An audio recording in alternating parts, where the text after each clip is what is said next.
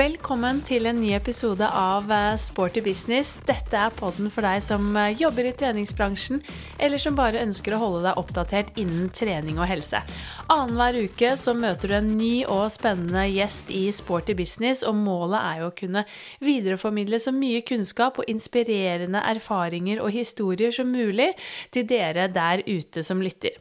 Jeg heter Eva Katrine og driver Inspartum Akademi, og gleder meg til å nå gi deg nok en lærerik episode. Vi i Inspartum Akademi vi er jo veldig opptatt av fag og kompetanse, og senest i helgen så har vi hatt gleden av å være på besøk hos 3T eh, Trening i Trondheim og holde andre del av Inspartum instruktørutdanning med fordypning i sykkel. Så vi har eh, virkelig storkost oss eh, i helgen sammen med svært dedikerte studenter, så nå gleder vi oss til å følge studentene videre. Det er utrolig givende å kunne få holde kurs og møte så mange ulike instruktører. Jeg personlig lærer også alltid noe nytt og blir eh, sykt inspirert. Så jeg sier det bare igjen, folk i treningsbransjen, dere er unikt fine folk.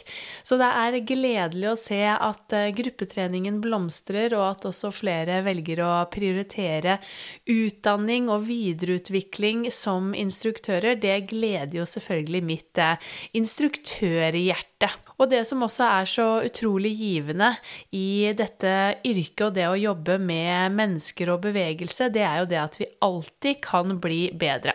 Og et av de områdene vi i Inspartum eh, virkelig ønsker å fokusere på, så er det å videreformidle idrettsforskning. Det blir stadig gjort veldig mye spennende og god forskning, men som kanskje kun forblir en forskningsartikkel i fagmiljøene, og som faktisk ikke helt når ut til oss som eh, i gåsetegn jobber på gulvet og jobber med menneskene i praksis. Derfor så har jeg nå tatt kontakt med nok en dyktig eh, fagperson, nemlig Tormod Skogstad Nilsen ved Norges idrettshøgskole. Han er eh, forsker og jobber med svært mange ulike spennende forskningsstudier. Tormod han har både mastergrad og doktorgrad fra NIH, og forsker nå på effekt av trening under og etter behandling for kreft. Han er også emneansvarlig på trening og kreft, som tilbyr tilbys som et etter- og videreutdanningsemne for eh, alle som jobber som fysiske trenere, f.eks. Så i denne episoden så får du da bl.a. innsikt i den nåværende forskningen, hva vi vet om dette emnet akkurat i dag. Så i denne episoden så får du bl.a. innsikt i den eh, nåværende forskningen, hva vi vet om dette i dag. Du får innsikt i litt av de nye studiene som de jobber med på NIH. Og ikke minst, vi snakker om hva som vi som trenere bør ta hensyn til i møte med mennesker som er ferdig med eller under behandling av kreft. Et svært viktig og relevant tema for oss alle. Hjertelig velkommen til eh, Sporty business, eh, Tormod. Glede å ha deg med. Tusen takk for det. Det var veldig hyggelig å bli spurt. Jeg har gledet meg til denne episoden. Jeg har jo kjent til deg egentlig i mange år. Du var jo til og med en av mine lærere på PT-utdanningen på NIH for mange år siden. Og før vi satte i gang record her, så fortalte du også at du hadde funnet en mail fra meg på, fra 2011 hvor jeg lurte fælt på energiomsetning. Ja, det var, ja, det var, det var litt artig. Ehm, men jeg måtte finne igjen intervjuguiden, og, i den forbindelse så kom det opp et par sånne spørsmål du hadde stilt. Det var eh, gode spørsmål til å være, til å være førsteklassing, men det var Ja. Du, men vi, eh, du kom fram til de riktige svarene òg, så det var, det var, gøy å se. Ja, det var hyggelig å høre. Nei, så jeg har jo kjent deg, og ikke minst da fulgt med deg nå gjennom eh, de senere årene hvor du har jobbet som eh, forsker på NIH. Og vi skal jo virkelig dypdykke ned i ditt fagfelt som er trening og kreft i dagens pod. Men for de som ikke kjenner deg, så er det alltid hyggelig med en liten introduksjon. Kan du ikke fortelle litt om hvem du er, din utdannelse og bakgrunn? Det kan jeg gjøre. Um, altså, jeg har jo mye av min bakgrunn fra Norges idrettshøgskole. Så jeg har egentlig vært her um, Jeg begynte jo egentlig som student på Fysioterapeut helse i 2003. Etter et lite sånn innledende år i Tønsberg. Jeg måtte bevege meg sånn gradvis mot hovedstaden, for det var, det var skumle greier. Så først et lite år i Tønsberg, og så um, starta på bachelorgraden her i Fysioterapeut helse da i 2003. Uh, og så ble det mastergrad. Og etter mastergraden så begynte jeg å jobbe som vitenskapelig assistent um, på laben her. Da jobber vi mye med, uh, med muskelanalyser. Og det var egentlig inngangen min i det som da senere ble mitt eller doktorgradsprosjektet som jeg ble, ble ansatt i. Det at vi skulle undersøke hva som skjedde med muskulaturen til prostatakreftpasienter mens de sto på hormonbehandling. Vi skal sikkert snakke litt om det seinere. Så, så, bakgrunnen min er såpass variert at den er fra idrettshøyskolen det aller meste. Så det er her jeg har vært siden, egentlig. Mm. Hvordan ser arbeidsdagen din ut nå, da? Hva er det du gjør? Altså, Når du snakker med forskere, så har vi veldig lett for å selge dette inn som at det er på en måte labarbeid og ting som bobler i kolber. og det er på en måte det ene og det andre, Men det er, det er mye logistikk. så enkelt er det. Det er mye kontorarbeid, og det er mye, mye logistikk. Men, men um, nå som vi har uh, to-tre studier hvor vi samler data, så er vi faktisk en god del i laben nå. Så vi har uh, deltakere hos oss som blir innrullert i de ulike studiene, som må testes i forkant av ja, Hvis det er en treningsstudie, i forkant av treningen, treningen starter. Og så eh, Noen ganger har vi deltakere som trener hos oss også, og i noen tilfeller er jeg da også trener, sånn at jeg følger opp på trening. Eh, og så kommer da posttestene når vi er ferdig med å, eh, med å gjennomføre treningsintervensjonene som vi har lagd. Ja. Så, så, hverdagen min er egentlig ganske variert. I tillegg så underviser jeg jo i eh, disse emnene som heter trening og kreft, eh, som vi har her på idrettshøyskolen. Eh, så det er litt grann undervisning, det er ganske mye kontorarbeid, og så er det litt grann datainnsamling. Det må jo være Eh, en, en oppskrift på en god uke. Jeg nevnte innledningsvis også at eh, du hadde vært min lærer på PT-utdanningen. Hvordan er ditt forhold til treningsbransjen?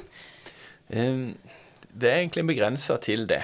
Jeg underviste vel på, på PT-studiet vårt om jeg starta der i 2008 eller 2009. Eh, og så holdt jeg på til inntil for eh, ja, fire-fem år siden hvor jeg måtte eh, takke av. Fordi det, blir så mye andre ting å holde styr på at jeg må liksom begrense det noe. Um, så, um, og så har jeg alltid hatt veldig gode treningsfasiliteter her på idrettshøyskolen, så jeg har ikke vært kunde heller rundt forbi.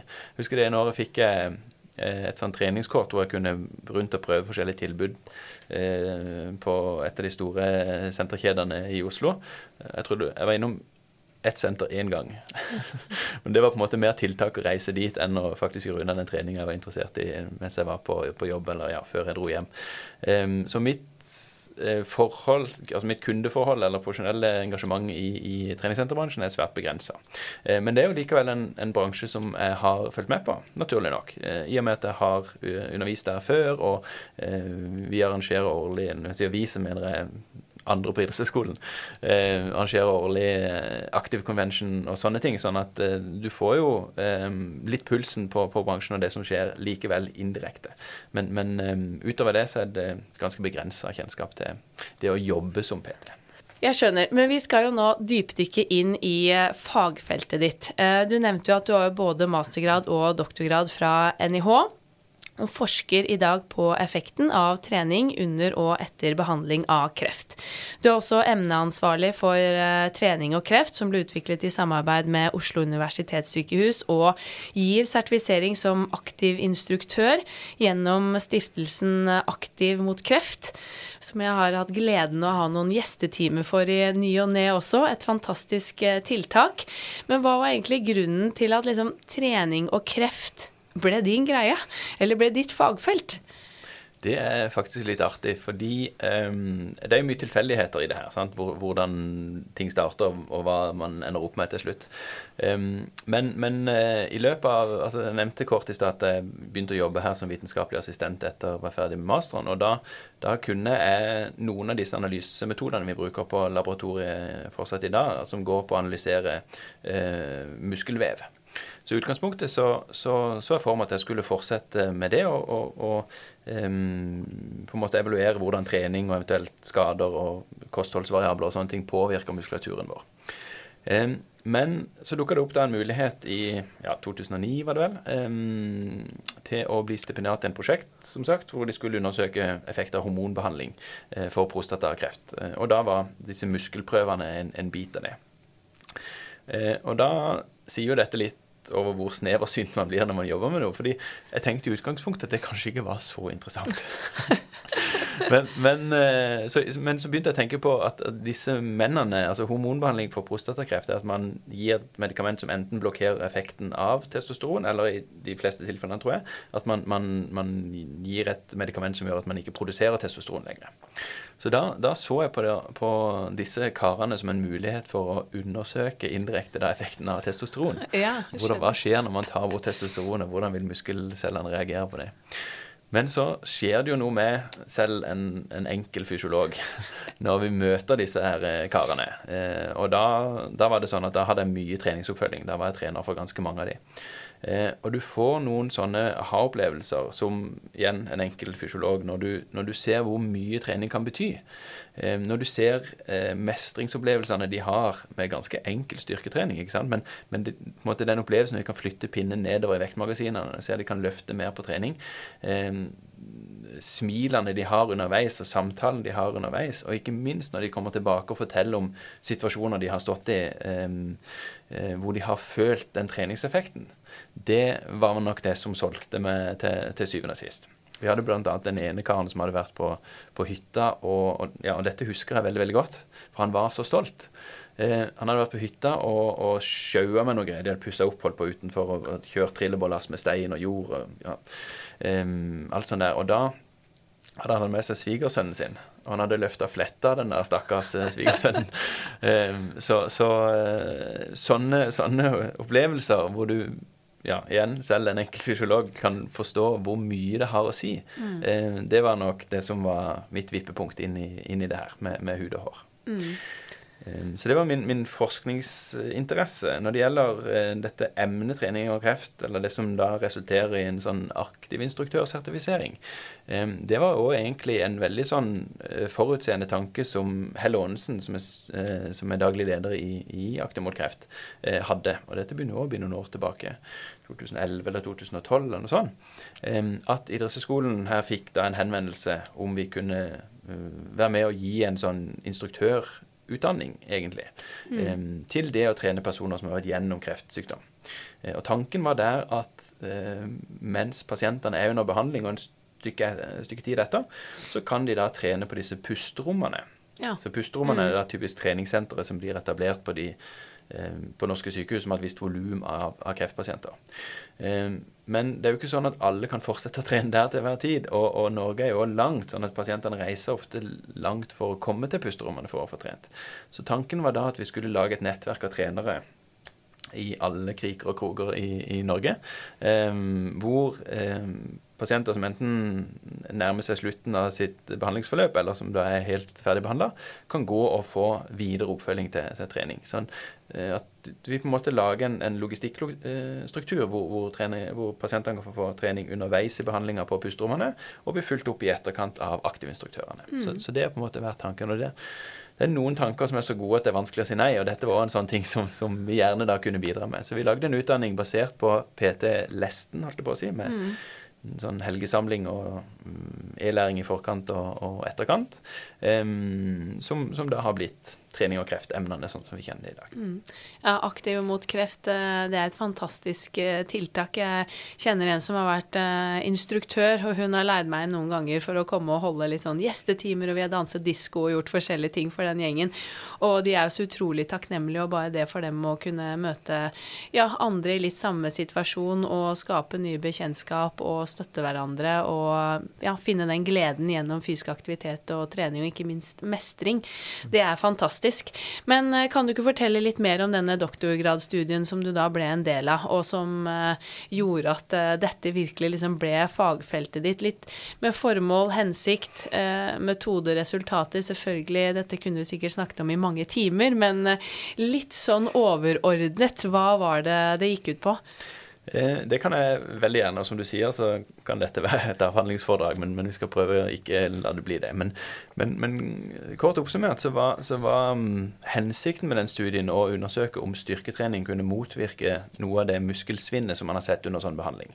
Det er kanskje mm, åpenbart. altså Hvis du tilfører testosteron, så øker muskelmassen. og Hvis du tar det bort, eller redusere nivåene noe, så, så, forsvinner mer av muskelmassen. Så tanken var her om styrketrening kunne erstatte noe av det, eh, det som blir borte. da. Så vi rekrutterte da menn som sto på en sånn type handling hvor, eh, hvor medisinen gjør at testosteronnivåene blir veldig lave. Så, så de har testosteronnivåer som er vanskelig å måle i, i, i blodet. Så de blir eh, medikamentelt kastrerte, som det heter. Eh, disse ble da delt inn i to grupper. Den ene gruppen skulle da følges tett med trening, altså tung styrketrening eh, tre ganger i uka i 16 uker, mens den andre gruppen da ikke fikk oppfølging på, på trening. Såkalt kontrollgruppe. Eh, og Det vi så i den studien, var eh, som jeg nevnte i sted, at de opplevde en veldig treningseffekt. Og det gjorde de. Disse guttene ble sterkere. Ja. Eh, de løfta mer i alle øvelsene, og, og som sagt, mange av de kom tilbake med historier hvor de måtte fortalt om hvor stor treningseffekt de hadde fått. Men når vi sammenligna endring i muskelmasse med det vi kunne forvente hos friske eldre menn, altså i den grad man er frisk som, som eldre. Vi drar med oss det ene og det andre, men i alle fall ikke de som var under kreftbehandling. Så så vi at de oppnådde om lag en tredjedel av den effekten vi kan forvente i, i økning i muskelmasse i løpet av en tilsvarende periode.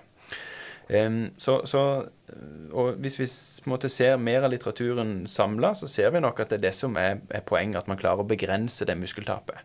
For våre kontrollpersoner, hvis vi kan kalle det det, mm. de var mer eller mindre stabile. Så de hadde ingen endring. Mens i andre studier så ser vi at de også fortsetter å falle litt. Um, så jeg tror det er det som er greia, at man, man trener for å bevare det man har, eh, mer enn at man skal ha en periode hvor man skal legge på seg veldig mye muskelmasse. Mm. Men um, det som er viktig hvis man skal jobbe med disse her, så er jo det å gjøre de oppmerksom på den fremgangen de har. For disse du har neurale tilpasninger, du lærer øvelsene, så det er mye som skjer. Mye som gjør at du presterer bedre i de ulike øvelsene. Så det å legge vekt på det, det tror jeg er essensielt. Mm. Men uh, når du satte i gang med denne doktorgradsstudien, eller som du var en del av, uh, hvor mye forskning fantes det da på området, og hvor mye vet vi egentlig i dag om dette med bruken av fysisk aktivitet og trening i behandlingen av kreft?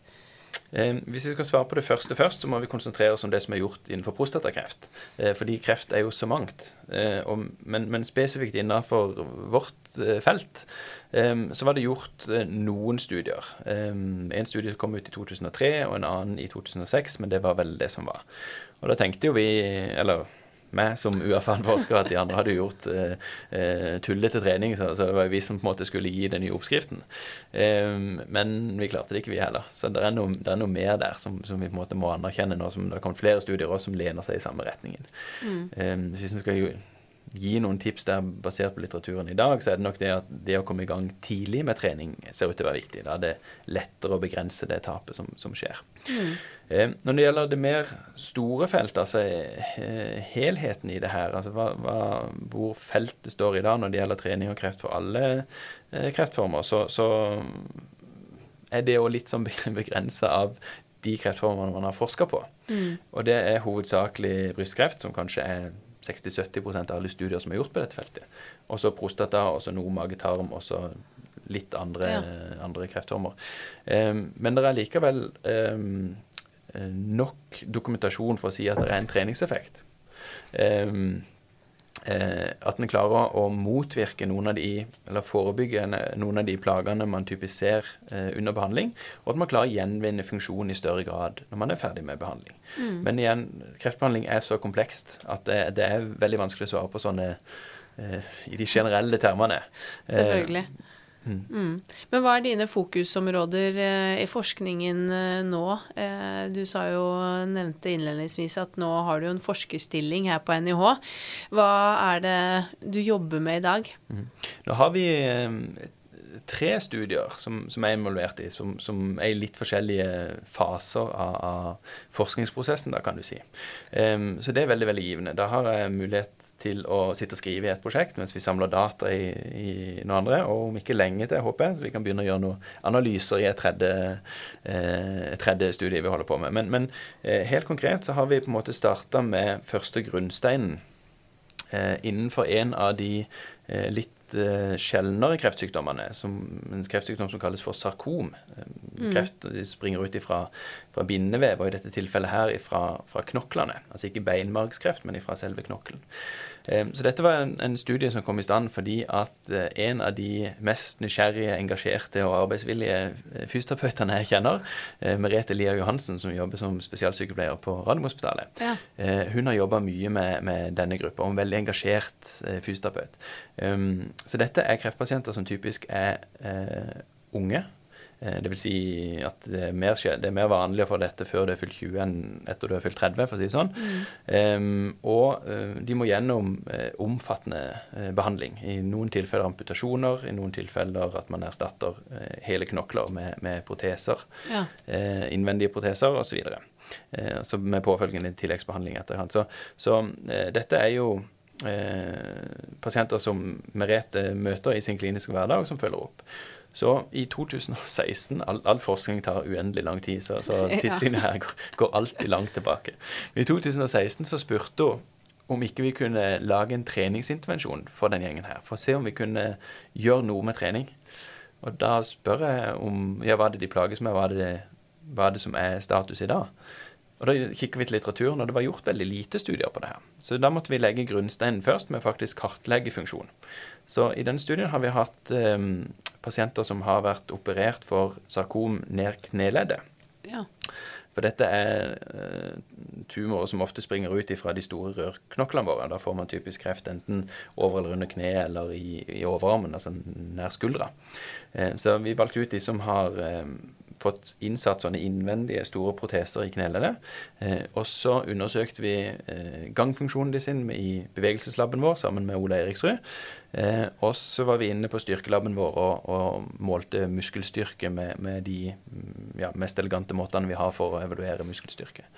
Um, og da har vi noen karakteristikker som, som, peker seg ut. Da må jeg svare litt generelt, for man holder jo ofte sånne resultater litt sånn tette brystet enn så lenge. Men hvis vi ser til den begrensa litteraturen i, i, i, som finnes i dag, så ser vi at de mm. har et gangmønster som, um, ja, hvis vi drar dette litt langt, kan påføre denne protesen et veldig monotont stress. Altså det er lite variasjon i måten de går på. Ja. Um, typisk at de har svak muskulatur fordi man har fjerna mye av muskulaturen i operasjonen sånn at man på en måte låser ut kneleddet og dermed får måte, det støtet på, på, strakt kne hver gang. Eh, og Så er det jo snakk om om de går sånn fordi de har eh, lært seg til å gå sånn, eller om de går sånn fordi de, de kan bruke knemuskulaturen eh, mer aktivt. Eh, og Det svaret fikk vi da i, i styrkelaben, hvor vi ser at de har svært begrensa eh, muskelstyrke i kneekstensjon og knefleksjon. Um, så, så, da har vi på en måte noen sånne gode holdepunkter. Kanskje noen mm, tanker videre om mulige intervensjoner vi kan dra, eller hva vi på en måte andre typer kunnskap kan dra ut av den um, første studien, som vi karakteriserte som en pilotstudie. Dvs. Si at vi håper på å følge opp med, med, med flere studier senere. Ja, så nå er vi i den prosessen hvor vi prøver å få oversikt over alt som har uh, skjedd, og så vi, holder vi på å skrive ut et manuskript på, på, på um, de første dataene derfra. Da. Ja. Så det er veldig veldig spennende. Spennende. Men forskning tar tid, altså. Det er det vi har lært. det tror jeg på. Fordi Den andre studien jeg kanskje vil trekke fram, det er en studie som da er en oppfølging av den doktorgraden vi snakka om tidligere, hvor vi så at treningseffekten var begrensa. Ehm, så det vi har gjort i den uh, nye uh, studien vår med prostatakreftpasienter, er at vi, har, at vi sammenligner um, uh, disse karene som står på hormonbehandling i dag, med disse karene som enten da har vært operert, eller som ikke skal i gang med, med behandling på dette tidspunktet, mm. for å se om det er noe eh, forskjell i de akutte tilpasningene til trening som, som vi klarer å fange opp. Um, så det er en litt mer sånn funky, basalfysiologisk studie hvor vi, hvor vi uh, gjennomfører ganske lite trening og gjør repeterte muskelbiopsier for å se på de tidlige tilpasningene til, til trening. Ja. Eh, og I tillegg så ser vi på andre viktige helseparametere som, som, insulinsensitivitet, altså det som kan predikere risikoen for diabetes type 2 osv. Mm. Eh, for det er jo òg en konsekvens hvis vi endrer kroppssammensetningen vår. Hvis vi typisk går opp i, i, fettvekt og ned i muskelvekt, så er det en litt uheldig situasjon med tanke på andre livsstilssykdommer. Så da ser vi om en treningsøkt kan eh, normalisere eh, blodsukkerresponsen etter et typisk eh, karbohydratrikt måltid. Ja. Så disse guttene spiser mye cornflakes.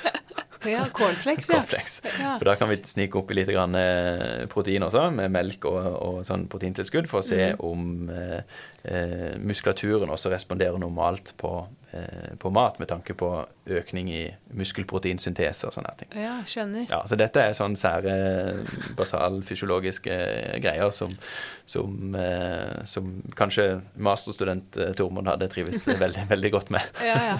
Men som òg selvfølgelig har en, en klar klinisk relevans. For det, Mm. her kan vi undersøke hvorfor trening eventuelt ikke virker, eller ikke virker optimalt. eller om trening faktisk virker normalt, at det er hviletilstanden som er forskjellig. Ja. At, at på en måte den ja, quote on quote, holdt på å si, det negative bridaget fra hvilen overskygger det vi klarer å påvirke med trening. Men igjen for å forstå eh, hva som skjer i, i muskulaturen til disse her. Mm. Skjønner. Um, og den siste studien jeg kanskje vil trekke fram, det, det er den mest omfangsrike, og det er det som tar mye tid til datainnsamling i dag. Uh, det er en studie som vi har fått uh, bidrag i fra uh, Kreftforeningen, og også Aktiv mot kreft har vært inne og sponsa flere av studiene våre. Um, hvor vi skal undersøke om trening kan påvirke risiko for hjerte-karsykdom etter behandling for, for brystkreft. Ja. For brystkreftpasienter blir behandla med en, en, gruppe eh, cellegifter som kalles for antrasykliner, som vi vet kan ha en, en skadelig effekt på hjertet. Eh, den medisinen som, som brystkreftpasienter får, er nok ikke den verste i sin klasse, sånn sett, men, men allikevel så kan en sette hjertemuskulaturen eh, litt tilbake i noen tilfeller. Så det vi vil undersøke her, er om, om det å ha fått sånn type behandling for en stund tilbake eh, kan resultere da i en økt risiko, og om trening kan gjøre noe med den risikoen Ja, skjønner. eh, i det senere. Så, så her har vi da, skal vi da invitere inn eh, ja, 140 kvinner som tidligere har hatt eh, brystkreft, som skal bli igjen randomisert til to forskjellige grupper, hvor den ene får tett oppfølging i fem måneder, mens den andre gruppa da ikke får noe oppfølging på trening. Så kommer vi tilbake og sammenligner dataene etterpå. Ja. Og så gjør vi én ting til i den studien som er eh, interessant. fordi det som ofte mangler i, eh, i eh, litteraturen i dag altså vi snakker, vi snakker om effekt av trening som en sånn eh, ja, det vi kaller for en dikotom variabel, om, om ja-nei-spørsmål. Trening virker ja-nei. Men det er jo eh, uendelig mange gråsoner her. Eh, så det vi vil undersøke, er, om, om eh, det har ha fått som behandling for lenge siden eh, påvirker normal treningseffekt.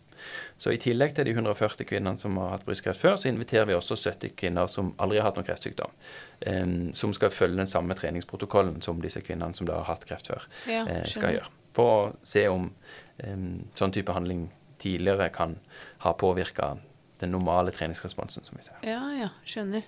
Det høres ut som en meget variert og ikke minst givende og spennende hverdag, for å si det sånn. Jeg er veldig fornøyd.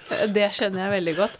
Men jeg tenker jo at eh, det du allerede har sett da, i både din doktorgradsstudio og som forskningen tyder på, og som vi vet generelt at fysisk aktivitet og trening gjør med både kropp og topplokk, så er det jo en rekke positive helsegevinster å hente av det å trene. Hva vil du trekke frem som kanskje de liksom viktigste årsakene til at man bør eventuelt implementere fysisk aktivitet og trening i behandling, eller også under behandling, eller da etter behandling av kreftpasienter? Eh, Det er òg et veldig veldig godt spørsmål. fordi For meg som fysiolog så er det veldig enkelt å liksom gå rett til mekanismene. Men, men, men for eh, pasientene, for de som står i det her, og for de som jobber med denne gruppa, så tror jeg mye av dette handler om holdt på å si, de spin-off-effektene man ser av det å trene. Det å komme sammen i en gruppe, eh, det å eh, dermed kunne drive med erfaringsutvekslinger, det å eh, få bedre svar enn du klarer å google deg frem til fra folk som har vært gjennom det, og kanskje det også er en trener som har god kompetanse på det her. Eh, så f.eks. de som trener på pusterommene, sant? de møter en fagperson hver gang de kommer på trening, som kan svare på alt du måtte lure på om det her. Og hvis ikke de kan svare, så kan de helt sikkert finne det svaret til neste gang du kommer. Så, så den tryggheten du får av å være sammen med en sånn gruppe, det å trene sammen med andre, det å eh, ja, For da er, vi da er vi litt over på treningseffektene. Det, det, å, det å jobbe i en gruppe, det å bli slitne sammen, eh, og ikke minst bli slitne på den rette måten. Altså, du er ikke trøtt bare fordi du er under behandling, men du er trøtt fordi at du har gjort et stykke arbeid. Og du får veiledning på hvordan du kan hente deg inn igjen. Eh, slik at eh, energiregnskapet sånn sett eh, forhåpentligvis går i pluss. Eh, så, så, de mestringsopplevelsene og alt det sosiale og alt som er i den settingen, tror jeg egentlig er et argument i seg selv. Ja. Eh, men så er det også mer harde data som indikerer på at eh, hvis man har et aktivt behandlingsforløp, så, så har man kortere sykehusopphold. Mm. Det finnes riktignok eh, ikke så mange studier som har undersøkt det, men det er bl.a. en stor studie fra Sverige som, hvor brystkreftpasienter følger et tilsvarende behandlingsopplegg eh, som de gjør i Norge. Så vi kan dra måte, litt mer erfaring ut fra de enkeltstudiene der. Mm. Og så kan vi selvfølgelig tolke dataene i mest mulig positiv forstand. det er lov når vi snakker sånn ja, ja. I, i, i, en uformell setting. Um, så, sånn at de harde dataene begynner å, å, å komme.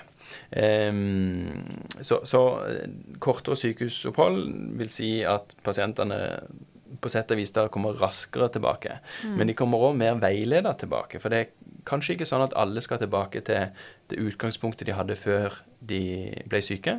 Kanskje man i noen tilfeller må finne fram til en slags nytt utgangspunkt. da. Mm. Men at man da får veiledning underveis på den veien, så ikke man står og jobber med dette alene. Eh, jeg vet ikke om har selv erfaring med, med, å jobbe mot mål som du ikke når.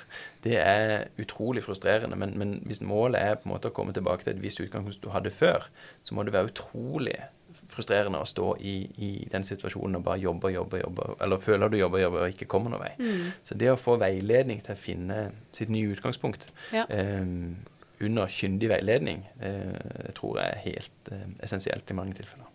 Virkelig.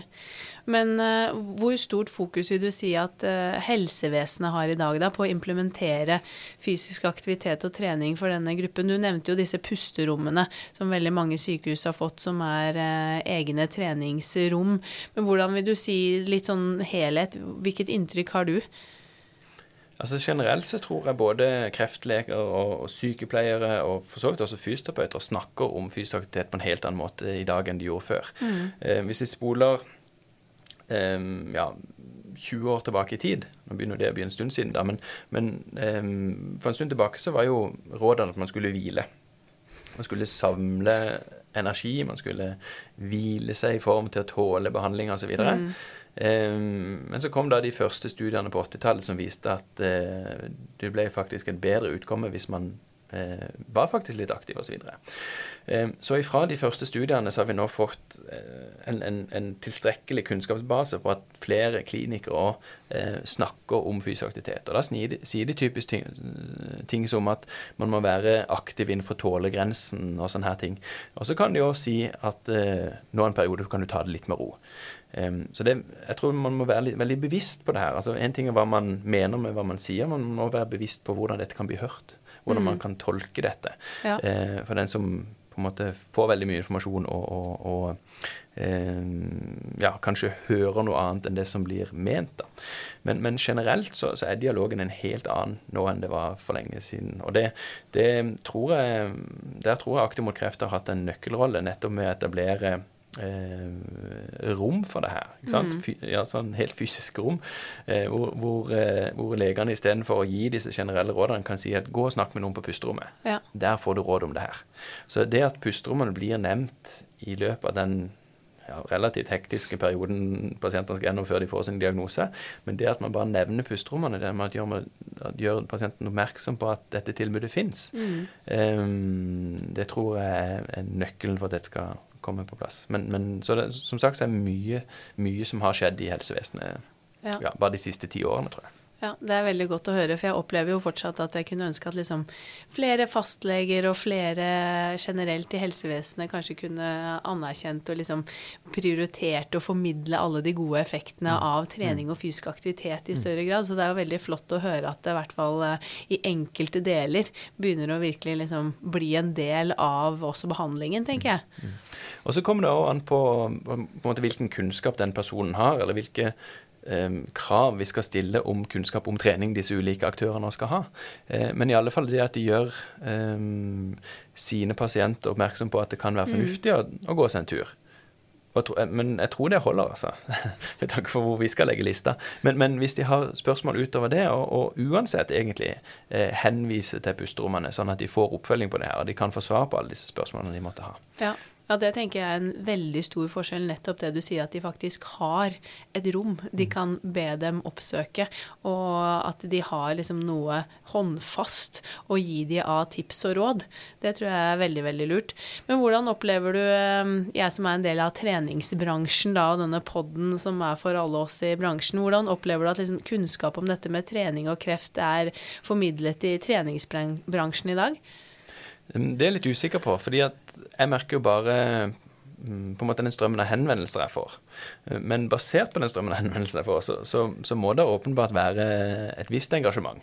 Eh, Vi får henvendelser fra enkeltpersoner som har lyst til å ta studiene våre, og som eh, lurer på om hva de kan gjøre for å komme inn osv. Vi får henvendelser fra mer ulike senterkjeder som har lyst til å lage noe ekstra for eh, sine ansatte relatert til eh, ja, fagdager eller relatert til ulike konsepter og sånne ting. Så jeg opplever at, at dette er et marked som, som også bransjen begynner å få øynene opp for. Eh, og på sett og vis så skulle det jo bare mangle, fordi at nå finnes det jo ja, drøyt 300 000 personer som har vært gjennom en kreftsykdom, eh, som, som, som er i live i dag. Sånn at, at eh, bransjen òg eh, ja, ser mulighetene som, som finnes i dette segmentet, men også som krever ekstra kompetanse, kanskje. Eh, men at de ser de mulighetene, tror jeg absolutt er noe som kommer i større grad. Mm, absolutt. Har du noen gode tips og råd til f.eks. Peter, da, som eh, kanskje får eh, en kunde som eh, er under behandling, eller kanskje etter behandling? For det tenker jeg er jo veldig relevant, at kanskje noen da har oppsøkt en eh, PT. Er det noen liksom, ting man bør være ekstra oppmerksomme på? Er det noe man bør gjøre, ikke bør gjøre? Har du noe, liksom, noen gode generelle råd? Eh, ja, det har jeg, og de er formalisert i en fem- eller tipoengs studiepoengs utdanning her på idrettshøyskolen som gir en aktiv instruktørsertifisering. Eh, så, så, men, men jeg tror det er det det handler om. Det at man eh, viser en viss form for kompetanse. Eh, og i, altså Alle er ikke aktive instruktører, alle skal heller ikke bli aktive instruktører, det er ikke det jeg sier, men, men det handler om å eh, lytte nøye til det en sånn kunde måtte fortelle, eh, og så rett og slett lese seg opp for å forstå kompleksiteten i det her. Og Da er det noen gode nettressurser, som f.eks.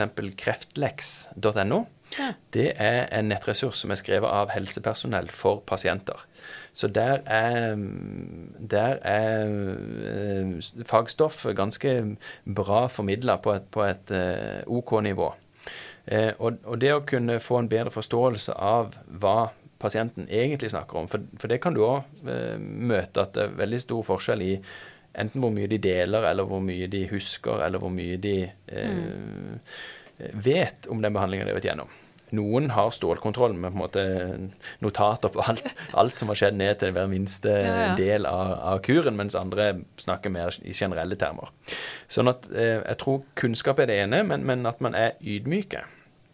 Eh, At man eh, i tillegg til å få den forståelsen om hva dette her handler om, spør hver enkelt hvordan de opplever det. Eh, hvordan er det du opplever den behandlinga du har stått på? Hva, hvilke plager er det du har i dag? Hvordan påvirker det å trene din hverdag i dag? Hvis du gjør noe fysisk anstrengende, eh, hvor lenge sitter det i kroppen din? og sånne ting. For jeg tror det er en av de tingene som kan skille seg fra Eh, kanskje det vi regner som en, som, ja, Fra personer som har hatt gjennom kreftbehandling til, til personer som ikke har det. Det at um, det kan sitte i mye, mye lengre i kroppen. Sånn, det som kalles for kreftrelatert fatigue, blant annet hvor man er eh, trøtt, man er sliten, men det nytter nødvendigvis ikke å sove. Det er ikke sånn at vi får mer overskudd av å sove. Eh, men hvor trening faktisk har vist seg å ha en effekt. Eh, og det kan sitte i, sitte i lang, lang tid. Um, det er gjort noen undersøkelser fra Radiumhospitalet hvor man har kartlagt fatigue-nivåen bl.a. hos um, kvinner ti år etter brystkreftbehandling. Og 30% av disse rapporterer da en viss grad av fatigue. Ja. Noen så mye at ikke de kan gå ut døra, mens andre eh, at de mer må gjøre valg hva de skal bruke tida si på. Altså De kan bli helt utmatta av et venninnebesøk på restaurant eller det å gå på besøk til folk. Em, og de kan bli helt utmatta av en, en, en tur ut. Så man må på en måte finne balansen litt. Og em, hvis vi skal sikre at disse kundene da blir tatt imot på en, på en god måte, så er det viktig at vi forstår dette før vi gir den prøvetimen. Og hvis vi skal gi den prøvetimen, så er da eh, Ja, hvis vi ser på noen av de studiene som har blitt gjennomført, så har den på en måte starta med et kvarter eh, rolig utholdenhetstrening. Mm. Så i noen tilfeller må man starte der, mens i andre tilfeller så kan man gjennomføre en treningsøkt som det ikke hadde vært noe annet. Mm. Og det er det som er det vanskelige. Fordi kreftbehandling kan være at du har fjerna et lite hu hudområde, Mm. og så er du ferdig. Men som vi snakka om i stad, kreftbehandling kan òg være at du har amputert, eller at du har tatt ut en bit av kroppen. Eh, at du har hatt flere runder med tilleggsbehandling. Kanskje du står på hormonbehandling i årevis. Så det er så komplekst. Mm. Eh, men, men det å være ydmyk, det å søke kunnskap, tror jeg er et godt sted å, å starte. Absolutt. Det vil sikkert være litt av de samme rådene, men jeg tenker sånn som for gruppeinstruktører så er det jo enda vanskeligere, fordi vi kjenner jo ikke til bakgrunnen til de menneskene som kommer inn døra. Og jeg har selv hatt eh, en eh, PT-kunde som eh, jeg hadde for mange år siden, som plutselig kom og var med på gruppetimene mine nå for Ja, det var før korona, da, men da hadde hun akkurat vært igjennom en ny runde, stakkar, med brystkreft, og hadde jo da fått store plager og hadde jo måttet fjerne mye lymfer og slet, og skulle da være med på en av mine Zoma Move-timer, hvor det da også er veldig mye nede på matten, og du har vekt på hender og skuldre. Eh, hvor jeg da tenkte litt sånn Å, shit, hva skal jeg gjøre nå? Litt fordi du kjenner på den at du kanskje ikke føler at du har nok kunnskap om det. Men hun sa jo i hvert fall fra, og hun kjente meg jo igjen og for, fortalte jo dette, selvfølgelig. Men jeg tenker for de som da ikke sier noe, eller de du ikke klarer å fange opp, eh, har du liksom noen gode tips og råd? For det er jo dessverre mange som har opplevd kreft eller har vært gjennom en behandling. Så det er jo stor sannsynlighet for at man møter noen av de på treningssenteret, enten da som PT eller eh, instruktør. Um, ja, jeg kan jo snu det spørsmålet, egentlig. Hva, hva gjorde du? Nei, altså det eneste jeg gjorde som jeg egentlig ofte gjør, er jo å bare spørre eller si at hun bare måtte må kjenne på egen kropp, først og fremst. Og bare trene og gjøre det som kjentes bra ut. Med en gang noe føltes feil eller ikke kjentes riktig ut, eller om noe gjorde vondt, at hun da skulle stå over, ta pause, eventuelt gi meg et lite vink, sånn at jeg kunne komme og gi henne noe alternativt.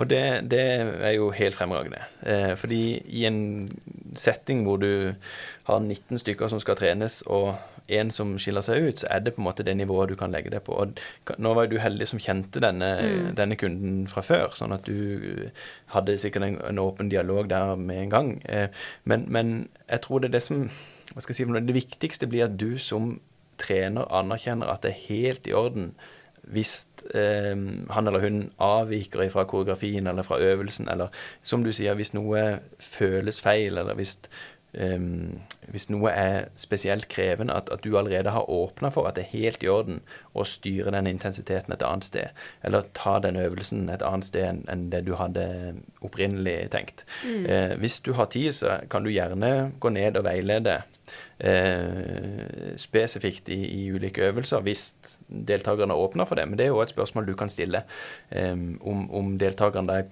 komfortabel med at du eh, henvender deg til han eller henne direkte, eh, eller om det blir ukomfortabelt. Ja. Men, men noen sånne avklaringer i forkant av timen, men at du i alle fall åpner den døra for at det er helt i orden å finne på andre ting enn akkurat det vi holder på med, eh, det, det tror jeg er det viktigste du kan gjøre. Men for, for vi kan ikke forvente at Altså, det, det det er mye gruppetrening som foregår i, rundt forbi på de ulike pusterommene.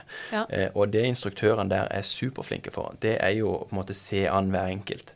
Da har de hatt en, en, en samtale med hver enkelt i forkant, og det er ofte personer som kommer igjen og igjen og igjen, og igjen sånn at de kjenner disse ganske godt. Og da kjenner de også forskjell på gode og dårlige dager. De kjenner forskjell på hvordan de har håndtert dette før, og kan da gi helt konkrete råd, f.eks. mens de sitter på spinningsykkelen, eller mens de har en Ja. gruppetrening-seanse. si at eh, gjør sånn og sånn, eller legg bort den sånn og sånn. Um, men men det, kan, det kravet kan vi ikke legge på alle gruppetreningsinstruktører rundt forbi som, hvor det tilfeldigvis kan komme, komme en person innom. Um, selv om i ideell verden så skulle vi gjøre det, men, men det, det går ikke. Nei. Men det at dere åpner døra for at eh, det er helt i orden å, å stå av, eller helt i orden å gjøre eh, noe alternativt, det tror jeg er det viktigste. Mm. Gitt at den personen har den kompetansen selv, vel å merke. Ja, helt klart. Og jeg tenker at som instruktør i hvert fall, så er det alltid også et godt råd å kunne liksom bare si det til deltakerne sine i starten, at man prøver å oppfordre dem til å ta kontakt hvis det er noe de sliter med, sånn at man gjerne kan si fra til instruktøren på forhånd. Og det gjelder jo uansett om man liksom sliter med et kne eller det er andre ting man har problemer med. For jo, da gjør det jo mye lettere for deg som instruktør, for da kan du til en viss grad individualisere litt. Og du vet også hvis en person liksom må ta en pause eller sette seg ned, eller kanskje også til slutt forlate salen, så vet du i hvert fall hvorfor, og så har man hatt en dialog rundt det. Mm. Mm. Det, da kan dere òg gjerne avtale et lite sånn ku hvis, hvis, det blir Eller dere åpner døra for at det er helt i orden å, å, å, gå ut og sånne ting hvis dette blir for mye, men bare gi meg et lite vink, så jeg mm. skjønner at det, det er OK. For hvis de bare forsvinner ut, så tror jeg kanskje jeg hadde følt litt behov for å løpe etter eller undersøke at dette ikke gikk helt eh, åt skogen. Ja, nei, virkelig. Så hvis du ikke har på en måte hatt noe kommunikasjon med dem, så må du jo ja. egentlig følge, følge opp eh, hvis det er noen som bare plutselig forlater salen. Mm, mm. Men det er derfor det er så fint å kunne hatt, ha den dialogen på forhånd. Og det gjelder jo også noen som kommer og bare sier ja, jeg har slitt med et kne lenge, men nå har jeg lyst til å teste timen, men hvis jeg går, så vet du hvorfor, for da er det det kneet. Og det er veldig deilig som gruppeinstruktør å vite det, for da slipper du å liksom få hjertet i halsen at noen går ut og er redd for at de plutselig får et illebefinnende, eller eh, ja, hvem vet. Ja, helt klart. Virkelig. Men jeg håper jo at på sikt at uh, man kan få til enda mer tverrfaglig samarbeid når det gjelder dette med treningsbransjen og eh, helseaktører, og at vi liksom virkelig kan kunne jobbe tett lettere. Eh, for treningsbransjen, vi ønsker jo å være en folkehelseaktør, og vi gjør jo i dag, vil jeg si, en god jobb, men vi har også mye eh, Vi har mye å gå på også. Hvordan ser du på treningsbransjen eh, i dag? Du nevnte jo innledningsvis at du, du er jo ikke aktiv, et aktivt medlem på et senter, men du har jo ganske godt kjennskap til bransjen gjennom det du har jobbet med og gjennom NIH, så hvordan syns du vi mestrer denne jobben i dag, og hva kan eventuelt bli bedre? Um, ja, først og fremst så tror, jeg, så tror, jeg, det er viktig å anerkjenne at her i bransjen så er det veldig mange som gjør en veldig god jobb allerede. Jeg tror det er mange som på en måte går på jobb hver dag med dette i bakhodet, at, at vi driver med folkehelsearbeid. For det er det de gjør. Eh, folkehelsearbeid er jo ikke bare arbeid med syke. Det er jo vel så mye arbeid på den andre sida med såkalt friske. Mm. Eh, hvor vi har en slags indirekte ambisjon i alle fall om å forebygge disse plagene som, som, kan skje hvis vi ikke beveger oss. Sånn at, at uh, treningssenterbransjen er en folkehelseaktør, det, det, håper jeg er på en måte veletablert. Det er på en måte ferdig med. Um, uh, bare sånn, sånn helt, helt, innledningsvis. Men når det kommer til uh, det å bli anerkjent som en, som en folkehelseaktør, så tror jeg disse grepene som Virke Trening har gjort de siste årene med å på en måte kreve tyngre kompetanse inn i disse stillingene er, er sentralt. Eh, for det er det andre forstår. Mm. Eh, man kan helt sikkert være en glimrende PT eller en gruppetreningsinstruktør uten noe formell kompetanse, men som bransje så er det det, eh, så er det, det man evaluerer folk etter. Mm. sånn at, at, hvis vi skal gi bransjen kredibilitet, så, så er det økt formell kompetanse som kanskje må til ja. hvis vi skal argumentere for det her. Og det at man da har fått eh, krav om et årsenheter med PT-utdanning tror tror jeg er fornuftig. Eh, for det å dosere trening er komplekst. Sånn at eh, det vi snakker om, om, om helsearbeidere i stedet med kreftleger og, og kreftsykepleiere, jeg, jeg, tror ikke det er riktig at det er de som skal gi de rådene. Nei. Fordi at de har ikke den kompetansen som, som kreves. Um, sånn at, at, man bruker et år på å lære seg å trene andre, det tror jeg er veldig fornuftig. Mm. Uh, og at man setter det som bransjestandard. Og så er det jo også sånn at vi, vi utdanner jo bøtter og spann med flinke både bachelorstudenter og masterstudenter herfra, og mange av disse eh, jobber også til daglig i treningssenterbransjen. Eh, og det har helt klart også en, en verdi. Um, sånn at, at, eh, at, man styrker um, strukturen i, i, treningssenterbransjen på den måten gjennom formell kompetanse, tror jeg er et veldig godt grep eh, fremover. Men som sagt så tror jeg mange gjør en, en god jobb der i dag. Eh, absolutt. Eh, og så er det jo altså bransjen Hvis du spør den vanlige mann i gata hva, hva, de syns om bransjen, så tror jeg vi fortsatt blir møtt med eh, litt sånn holdningsproblemer. At, uh, at, vi rett og slett kan skremme bort de som ikke kjenner denne terminologien. Mm. Uh, at, at, trening blir uh, for fremmed. Trening blir på en måte noe helt annet enn den sirkeltreninga vi hadde der jeg drev med friidrett, ja, ja. som i dag kalles ja, et eller annet engelsk navn. Ja. sånn at det at vi, at vi at vi kaller den spaden for den spaden den faktisk er, mm. tror jeg kan være et nyttig grep. At man lager pakker som er ment for å fange alle de aktive, ikke bare de 10 av oss som, som, faktisk er, eh, som, faktisk beveger seg nok. Ja. Det tror jeg kan være noen gode grep. Virkelig. Eh, en annen barriere er jo, og den er jo reell i dag, vi må jo lønne folk i bransjen også, på samme måte som vi lønner elektrikere og butikkansatte og andre, så må det jo være en kostnad eh, med det å trene nødvendigvis. Eh, men jeg håper og dette er jo ikke en kritikk til bransjen, det er kanskje mer et ønske til, til offentlige myndigheter. At vi får tilskuddsordninger for folk som ikke har mulighet til å benytte seg av disse tilbudene. Mm. Eller at man tilrettelegger for fysisk aktivitet på en annen måte. Eh, at vi kommer opp med gode nok tilbud på den andre sida. Og det, det, det, der er vi ikke i dag. Vi har ikke tilbud som fanger massene. Man har kanskje eh, lykkes mange steder med frisklivssentraler som fanger opp mange, men, men ikke, ikke, på langt nær alle. Um, så, så, offentlige tilskuddsordninger for, for trening, og, og um, at man tilrettelegger for majoriteten av Norges befolkning. Mm. Um, man måtte senke barrieren så godt man kan ja. uh, for å få folk på trening. Helt klart. Jeg er veldig glad for det du sier med formell kompetanse. For det er som du sier, det fins jo mange som gjør en fantastisk jobb i dag, selv om de ikke har den formelle kompetansen.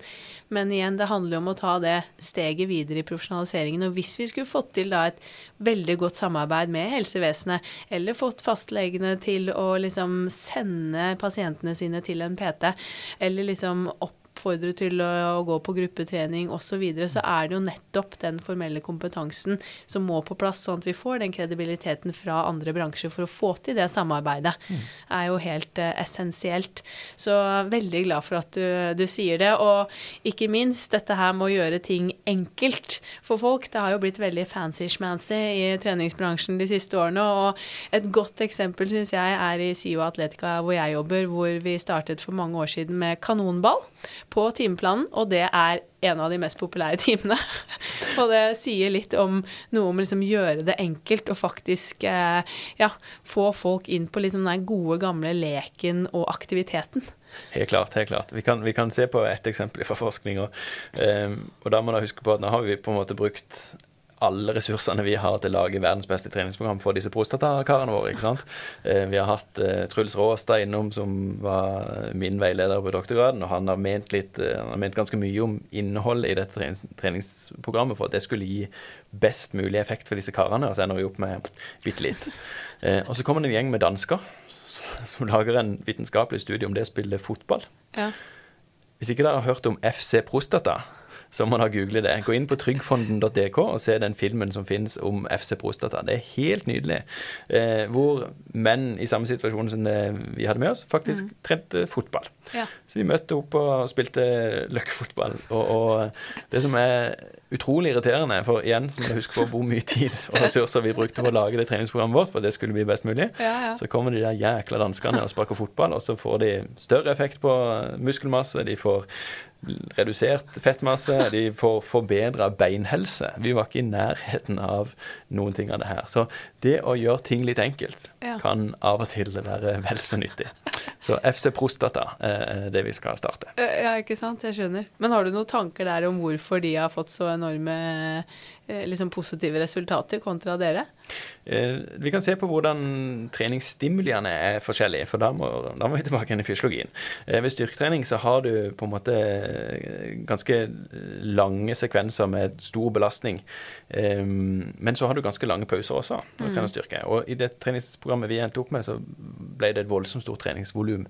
Um, og det er nok et ankepunkt til oss. Det tok ja. lang tid å gjennomføre disse treningene, sånn at, at det ble kanskje for stort treningsvolum.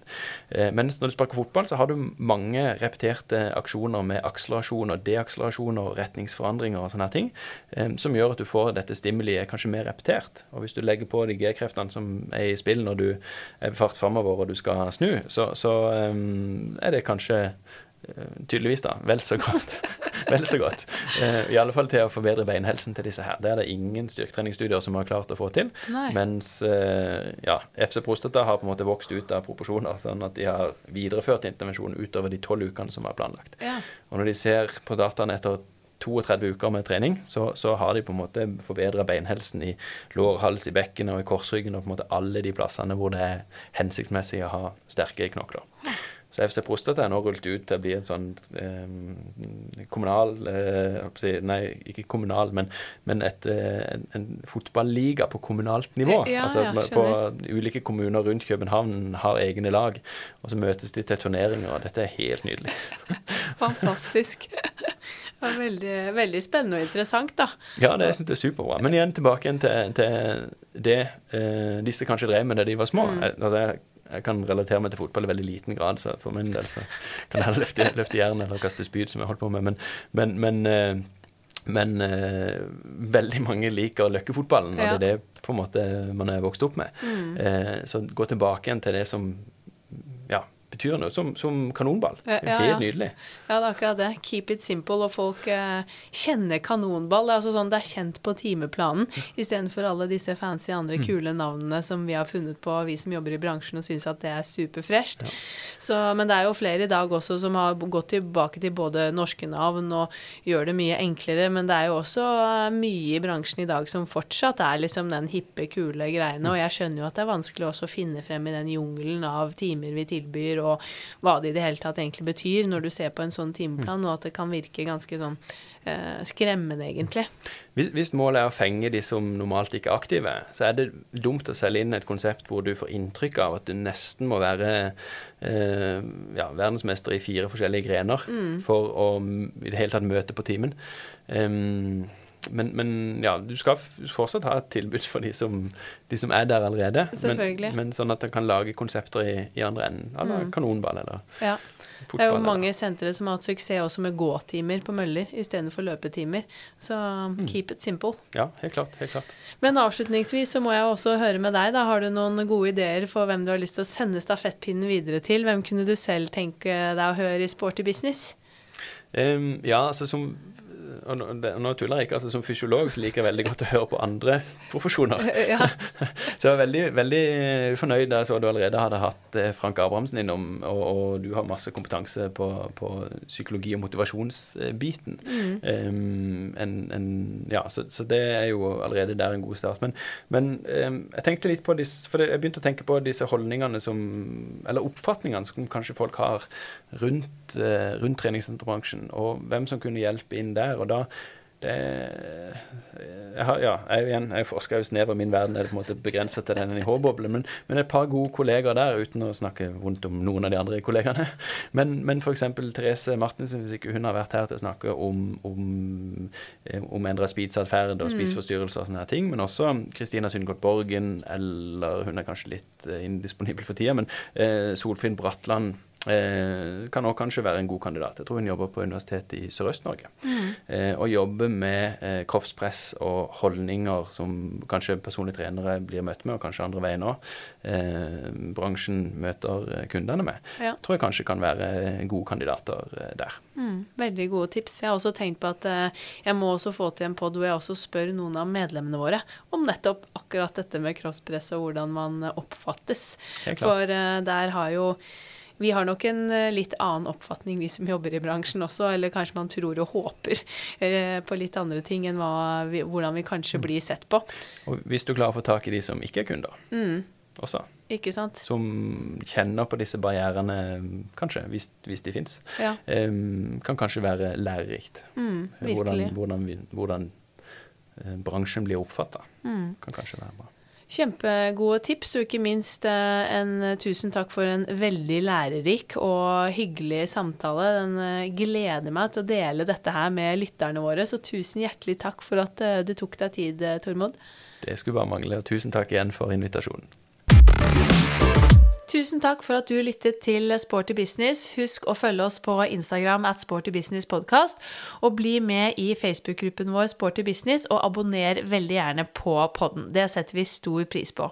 Om to uker så får du innsikt i enda mer spennende idrettsforskning. Da er Anne Mette Rustaden, førsteemanuensis ved Fakultetet for helse- og treningsvitenskap ved Høgskolen Innlandet på Lillehammer, gjest i podden, så det er bare å glede seg.